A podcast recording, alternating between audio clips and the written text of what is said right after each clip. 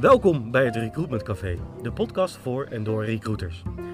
Maandelijks luisteren 1500 recruitment en HR professionals mee naar waardevolle gesprekken op zoek naar advies, tricks, learnings en goede verhalen die vandaag de dag werken in de wereld van recruitment. Van persoonlijke branding als recruiter tot het opzetten van een effectief referralbeleid, alles komt aan bod. Natuurlijk wel lekker in een informele setting. En nu door naar de podcast. Laten we beginnen. Het recruitment succes framework van Time to Hire. Uh, we hebben elke stap bespreken wij in een korte podcast. En we zijn inmiddels aangekomen bij stap 6 Select. Dat doen wij uh, met onze Fleur Albrecht. En Select is eigenlijk op het moment dat iemand in proces komt. Hoe kan je dan zorgen dat je als organisatie een onuitwisbare indruk achterlaat? Want kandidaten die afgewezen worden kunnen natuurlijk ook gewoon ambassadeurs worden van jouw organisatie. In deze stap alles over het stuk van het framework voor een uitstekende candidate journey. En wat moet je als bedrijf nou op orde hebben om deze stap netjes uh, door te komen? Uh, Fleur, goedemorgen. Hoi. hoi. Goedemorgen. Uh, we beginnen met, met Select, ook met jou. Um, wat kan je daar gelijk over zeggen? Want we moeten, als iemand in proces komt, moet je natuurlijk al bepaalde processen op orde hebben. Uh, voordat je daarmee begint, inderdaad. Wat, ja. uh, wat zijn nou bepaalde processen wat je al van tevoren al strak hebt moeten hebben? Ja, nou, het is natuurlijk handig uh, als alle gesprekspartners van een kandidaat in ieder geval het met elkaar eens zijn over welke kandidaat ze zoeken. Ja. Dat is volgens mij wel het eerste, de eerste stap in het proces van selecten, wat je, wat je moet zorgen, ja. waar je voor moet zorgen dat er alignment is. Um, Uh, vooral omdat je natuurlijk echt wil voorkomen dat een kandidaat pas in derde gesprek erachter komt dat, uh, dat hij bepaalde skills niet heeft. Dat kan je natuurlijk aan de voorkant gewoon weten en, uh, Ja. en toetsen. Dus dan is het. Er is natuurlijk ook niks vervelend. Dus als je in het tweede of het derde gesprek opeens iets hoort qua eh, eh, nieuwe competentie of iets, dat je denkt, dit heb ik nog nooit gehoord. Ja. Eh, en het gebeurt echt nog Ja, vaak binnen bedrijven dat er eerste en tweede gesprekken Zeker. opeens eh, andere eh, dingen uit de hoge hoed komen, komen Nou, zetten. dat gebeurt zeker heel vaak. Ehm, eh, en dat is gewoon zonde, want dan sta je er volgens mij gewoon gelijk negatief op als werkgever. Eh, en denkt zo'n kandidaat ook van, eh, waar heb ik mijn tijd eh, in gestoken? En jij hebt er Mhm. zelf ook nog heel veel tijd in gestoken. Want die gesprekspartners die, zijn ook allemaal met die gesprekken bezig geweest. Dus volgens mij is dat iets wat je in ieder geval op orde moet hebben. Een tweede waar ik denk ik ook wel altijd aandacht aan zou besteden... is dat je zorgt dat er een logische opbouw in het proces is. Dus als een kandidaat, als je bijvoorbeeld zegt... nou, we doen twee interviews... dat je zorgt dat je niet twee keer hetzelfde interview hebt. Ook heel herkenbaar dit. Ja. Dat je eh, ja, twee keer hetzelfde gesprek aan het voeren Ja. bent, eh, bij van. Ja. Ja. nou ja, weet je, dat, dat komt natuurlijk ook onprofessioneel over. En het is ook weer een soort van eh, zonde van de tijd voor de kandidaat en voor de gesprekspartners. Eh, dus eh, ja, ik zou altijd eh, met de mensen die betrokken zijn bij het proces zorgen dat je goed afkadert. Wat doen we wanneer? En hoe zorgen we ook dat die informatieoverdracht daarin eh, goed is?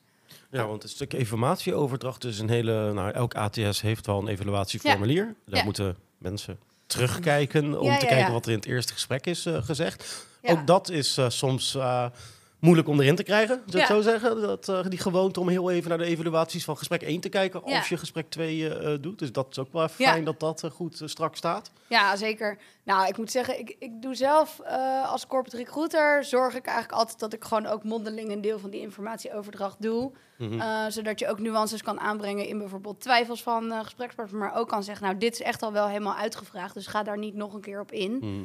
Ehm, eh, dus daar heb je natuurlijk wel op die manier ook extra invloed op. Het kost Ja. wel veel tijd, maar het is wel, dan heb je wel echt een smooth proces voor je kandidaat, denk ik. Eh, dus dat is heel belangrijk.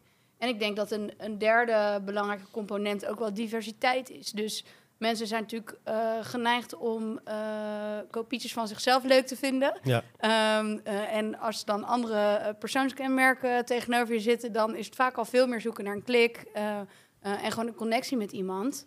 Eh, dus zorgen dat de gesprekspartners van een eh, kandidaat zich daar bewust van zijn. Dat is eigenlijk al Ja. stap één. Ja, dus, Eh. dus even, je begint uiteindelijk eerst met even alignen bij de intake van de vacature van joh, wie doen de gesprekken en Ja. wat gaat je rol zijn in die gesprekken. Ehm, neem even aan dat de lead architect natuurlijk wat meer op de techniek zit en een people lead bij wijze van even wat meer op de persoon. Ja. Nou, als je dat afgekaderd hebt, moet je ook zorgen dat die informatieuitwisseling tussen gesprek 1 en 2 eh, volledig tijdig correct is. Ja. En dan komen we bij het gesprek zelf aan en dan komen we natuurlijk bij die ja, die biasen. Wat we Ja. het net ook een beetje over hadden. Want we zoeken allemaal een kopie van onszelf. Ja. Ehm, hoe, hoe, wat zijn nog handige tips en tricks die je gelijk kan meenemen uit deze podcast om jezelf te kunnen checken of Ja. je biased bent? Of, of dat Ja. die hiring managers misschien ergens een bias hebben. En hoe ga je dat subtiel overbrengen? Want het is natuurlijk soms ook wel een beetje, joh, Ja. daar moet je wel een beetje feeling voor hebben om dat netjes over te brengen bij iemand. Ja, dat, dat is best een lastige, want ehm, het is voor ons recruiters natuurlijk... Tenminste, ik neem aan dat de meeste recruiters weten dat ze, dat ze een bias hebben. Want ieder, ieder mens heeft een bias. Ja. Zelf ro- zelfs robots-recruiters eh, eh, schijnen een bias te hebben op basis van de data die in die robot is gestopt. Ja. Dus ja, in die zin ontkom je er ook niet aan. Maar hiring managers en lead architect of wie dan ook, die weten dat natuurlijk heel vaak niet. Ehm, nou, daar kan je natuurlijk allerlei trainingen voor doen. eh, dus eh, daar, daar, daar kan je, dat kan je inhuren. Maar je kan een plaatje laten zien van mensen en zeggen... nou, welke associatie roept het bij je op? Zodat ze zich bewust worden van... hé, hey, wat gebeurt er eigenlijk in mijn brein... als ik gewoon een gezicht van iemand zie? Mhm. Ehm, ja, en, en maak het op die manier bespreekbaar. Maar doe dat ook altijd vooraf, zou ik zeggen. Dus Ja. eh, op het moment dat je iemand gaat aannemen voor een team... ehm, kijk eens naar dat team en kijk eens of dat een beetje een realistische afspiegeling is van de populatie eh, van mensen die eh, daarvoor opgeleid zouden zijn. Ja. Eh, en als dat niet zo is, ja, ga in gesprek. Waarom is dat eigenlijk niet zo en hoe komt dat? Ehm, dus ja, volgens mij is het een kwestie van heel veel praten, training volgen. Ehm, eh, af en toe mensen ook wel een beetje confronteren. Tenminste, dat is mijn persoonlijke stijl ook altijd Mhm. wel geweest. Gewoon, ja, ook wel als je merkt van... hé, hey, maar hier zit gewoon een, iets in wat jij als persoon niet prettig vindt. Ja, dat gewoon wel duidelijk terugduwen, zeg maar. Ja. Eh, van, ja, ik merk dat je hier eh, eh, toch met een vooroordeel zit. Hoe komt dat? Ja. ja, maar dat is best wel lastig. Want Ja. het, het wordt heel persoonlijk. Ja, en het is natuurlijk... Hè, dat heb je natuurlijk met alle discussies die eh, eh, diversiteit eh, raken. Mensen voelen zich inderdaad snel aangevallen. Ja, Dus ehm, we zijn natuurlijk heel lang eh, gewoon in de maatschappij blijven hangen in discussies over Zwarte Piet. Omdat allemaal mensen zeiden, ja, maar ik ben niet racistisch. Ja, nou ja, maar het heeft ook niks daarmee te maken per se. nee. Je bent niet bewust racistisch, Mhm. maar dan kan iets nog wel racistisch zijn. Ja, Ehm, eh, en zo werkt het, denk ik, ook met diversiteit. Dus dat is gewoon heel veel herhalen. En dat is enorm moeilijk om daar verandering eh, in aan te brengen. ja. Ehm, eh, en ik merk eerlijk gezegd zelf eh, ook wel bij gewoon eh, directeuren en ondernemers, die zijn vaak ook nog best wel eigenwijs. Oh, ja, zeker. Mhm. Ehm, dus die nemen het dan na een lange discussie vaak wel van je aan, maar als een puntje bij paaltje komt en je zet die kandidaat met een andere achtergrond aan tafel, is het toch ineens wel ingewikkeld. Ja, ja. Want ze herkennen zichzelf er niet in. Ja. Ehm, want dan hebben we inderdaad, inderdaad netjes vooraf eh, eh, de gesprekspartners gedaan. We hebben gezien wie, uh, wiens rol eh, je pakt, zeg maar. Zodat je geen Ja. dubbele vragen krijgt. Ja. Dat je twee aanvullende gesprekken hebt. Ja. En we- laten we even als voorbeeld twee gesprekken nemen in een, een proces. Ja. Dan heb je ze gecheckt op bias. Daar heb je het ook nog over gehad. Ja. Eh, je hebt ook natuurlijk vooral vooraf eh, eh, misschien competenties afgesproken met elkaar. Eh, wie je zoekt. Ehm, en dan kom je natuurlijk ook uit, maar hoe stel je dan de juiste vragen om die competenties eh, te achterhalen? Want eh, je bent als recruiter niet bij elk gesprek aanwezig om dat te kunnen begeleiden en Nee, helpen. dat is lastig, hè? Eh, vervelend. Eh, ehm, hoe kan je daar kleine tips en tricks meegeven om, om die juiste vraag te kunnen stellen? Ja. Ik weet niet of je daar een voorbeeld van hebt of, of misschien gewoon een ervaring. Ja, zeker.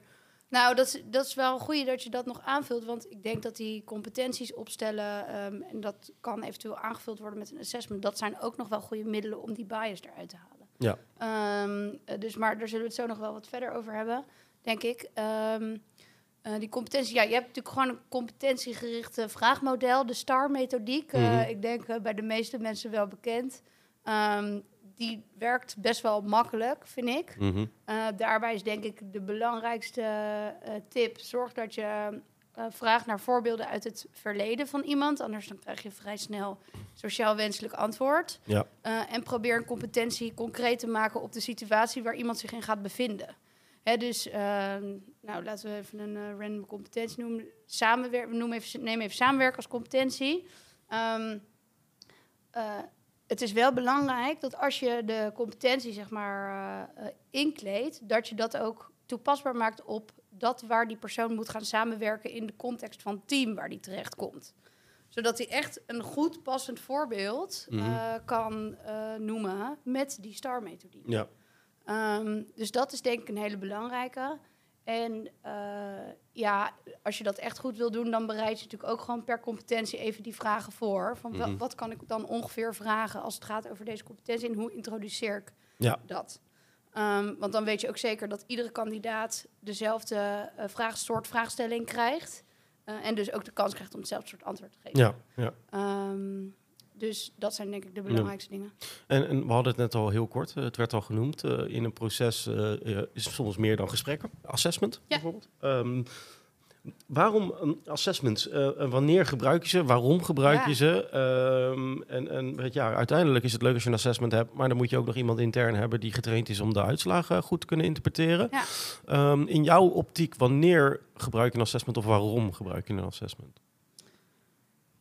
Ik zou eigenlijk iedereen aanraden om eh, een assessment te gebruiken. Al is het maar om eh, aan de ene kant een stukje bias uit je eigen beeld eh, Mhm. te kunnen halen of toetsen. Mhm. Ehm, eh, en anderzijds eh, omdat je anders alleen maar uiteindelijk toch gaat aannemen op gevoel.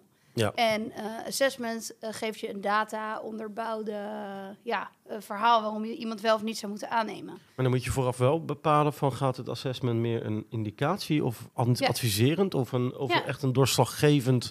Want je moet wel van tevoren een beetje bepalen van wat gaan we met assessment doen. Ja, precies. Nou, je hebt natuurlijk heel veel vormen tegenwoordig. Hè? Dus je hebt een soort games waarmee mensen eigenlijk vooraf een soort selectie eh, moeten doorlopen. En eh, op basis daarvan wordt dan besloten of ze überhaupt meegenomen worden in procedure. Eh, dus dan kan doorslaggevend zijn. Ehm, wij zelf gebruiken het eh, eigenlijk alleen ondersteunend als selectiemiddel. Maar het is denk ik heel erg per organisatie en per rol afhankelijk wat je gebruikt. Dus ehm, als competenties of intelligentie voor jou voor een bepaalde rol heel belangrijk zijn, ehm, ja, dan kan zo'n assessment je helpen. Maar het is wel belangrijk om heel goed na te denken eh, van tevoren over wat wil ik nu precies met data onderbouwd zien. Eh, want eh, je kan wel zeggen, ik wil eigenlijk alles weten. Ik wil zowel persoonlijkheid weten als ja, IQ. Mhm. Ehm, eh, maar ik vraag me altijd af of dat voor iedere rol evenveel toevoegt. Hè, voor de rol van recruiter eh, is vaak een beetje street smart zijn. En wij Mhm. nemen natuurlijk heel veel recruiters aan. Omgaan met tegenslagen. Ja, Mhm. precies. Vind ik persoonlijk veel belangrijker dan dat iemand een WO-niveau heeft. We zoeken eigenlijk Feyenoorders. Ja.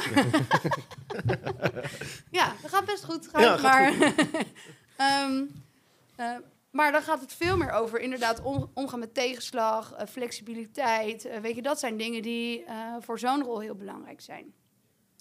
Dus volgens mij moet je het altijd, eh, moet je altijd goed definiëren van wat wil ik nu precies onderbouwen met dit assessment. Op basis daarvan gaan zoeken wat is het beste assessment wat hierop aansluit.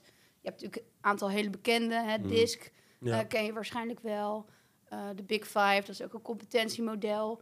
Die gebruiken wij zelf overigens ook deels in het nieuwe assessment wat we gebruiken. Maar ja, dat kan best wel een zoektocht zijn naar wat maakt nu precies meetbaar wat we willen weten. ja.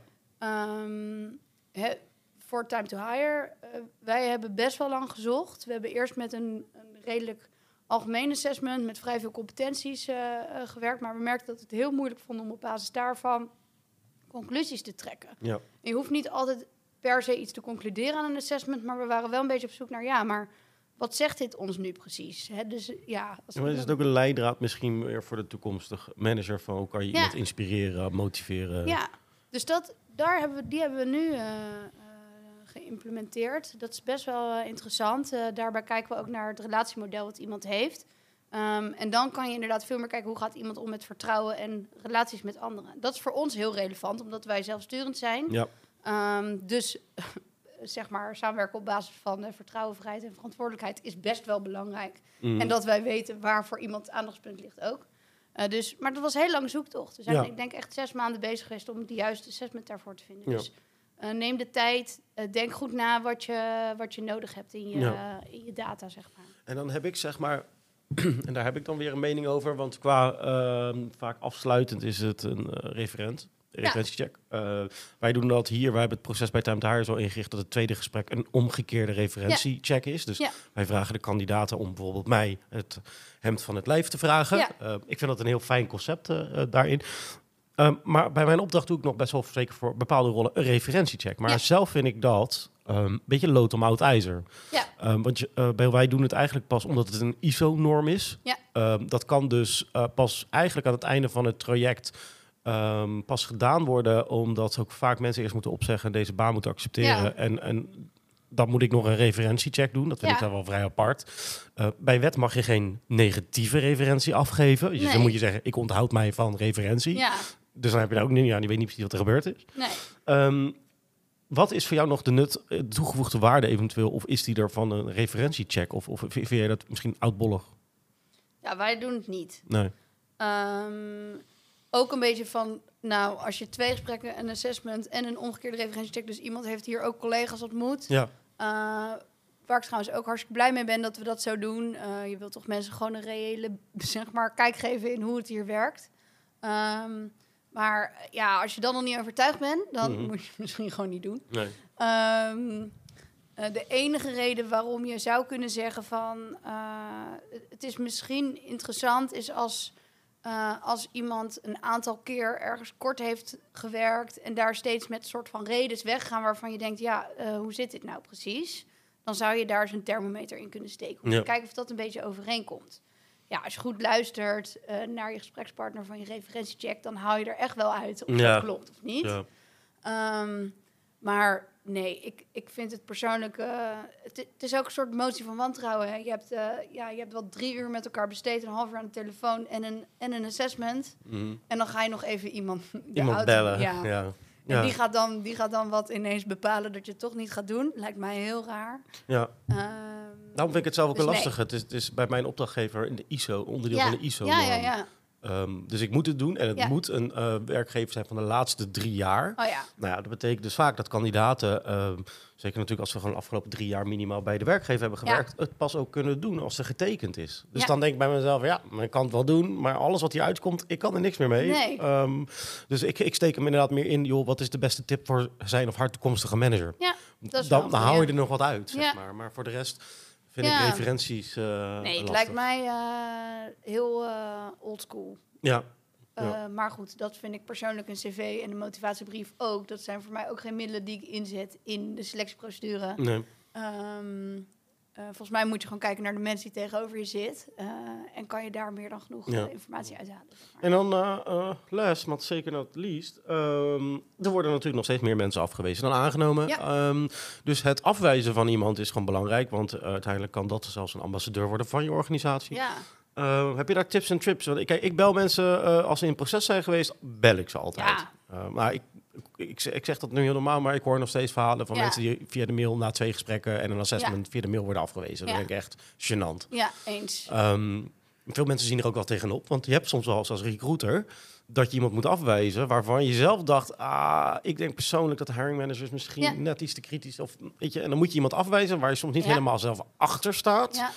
Ehm, heb, A, heb ervaring mee en, en B, heb je daar tips voor? Van hoe, hoe pak je dat dan toch aan? Want je moet wel achter je beslissing staan. Je kan niet Ja. zeggen van, nou, ik ben het er niet mee eens, Nee. maar, ja, dat staat niet sterk. Nee.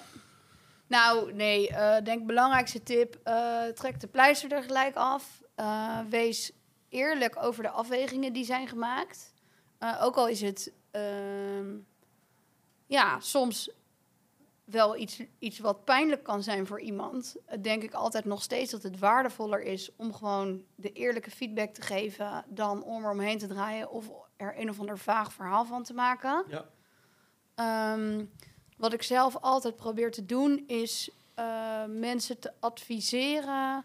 eh, wat ik wel denk dat bij ze zou kunnen passen qua baan of qua werkomgeving. Toch een soort van positieve afsluiten met, Ja. een, met, een, met een tip, met een Ja, ja, advies. ja, en soms zelfs eh, hè, als, je, als je een werkgever kent waarvan je denkt... hé, hey, nou, misschien dat dat wel een beetje de richting is die beter past. eh, nou, dan wijs ik ze daarop. Ja. Ehm, eh, of je kan ze zelfs, hè, als, je echt, als je ze echt wil helpen... als je echt een beetje pijn doet in je hart... kan je eens kijken of jij misschien iemand kent of de recruiter daar kent. Mhm. Ehm, maar dat zou, ik niet, dat zou ik niet te veel gaan doen. Maar ja, dat en gewoon, ja, nogmaals, gewoon be honest, zeg Ja. maar. Daar hebben mensen denk ik het meest aan. Ehm, ja, en wat we zelf ook doen is, we, we, we hebben, wij hebben bij Times Hire een talentpool. Ik denk dat heel veel Mhm. organisaties dat, eh, dat wel hebben, misschien ook heel veel niet. Ehm, maar we proberen die mensen wel gewoon op events uit te nodigen en eh, leuke dingen zeg maar, met ze te blijven doen. Om toch eh, gewoon een beetje positief af te sluiten met elkaar. Ja, van mij eh, Tony Chocoloni een heel goed voorbeeld. Want die Ja. sturen volgens mij ook als, je- als je wordt afgewezen Ja. eh, nog een, eh, een lekkernij eh, Ja. toe. Dat vind ik een hele sterke. Ja, zeker. Ja, Netflix die heeft ook een tijdje van die goodie bags meegegeven aan kandidaten. Dat was ook wel heel leuk. Ja, Nee joh, dus volgens mij is er heel veel wat je kan doen wat positief is. Maar volgens en ik ben ervan overtuigd dat het key is dat je ehm, eh, snel bent, eerlijk bent. Eh, en gewoon volledig. mensen, ja, Mhm. mensen gewoon het gevoel geeft dat je er ook oprecht in zit om iemand alsnog verder te helpen. Fleur, bedankt. Nou, jij ook. Eh, dit was eh, stap 6 van onze Recruitment Success Framework Select. Hierna komt logischerwijs de volgende stap. Dat is 7, dat is hires. En dan gaan we het helemaal hebben over de, de verwachtingen ehm, en het coördineren verder van het recruitmentproces rond die hires. Dus dat is de volgende stap. Dank voor het luisteren en tot de volgende.